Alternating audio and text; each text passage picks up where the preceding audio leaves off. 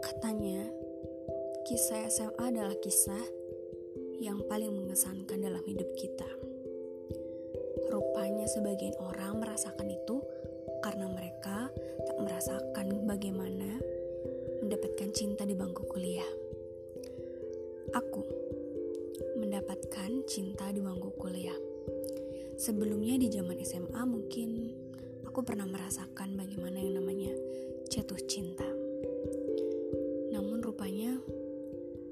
tak sedewasa ini. Indah. Zaman SMA adalah masa-masa yang paling indah.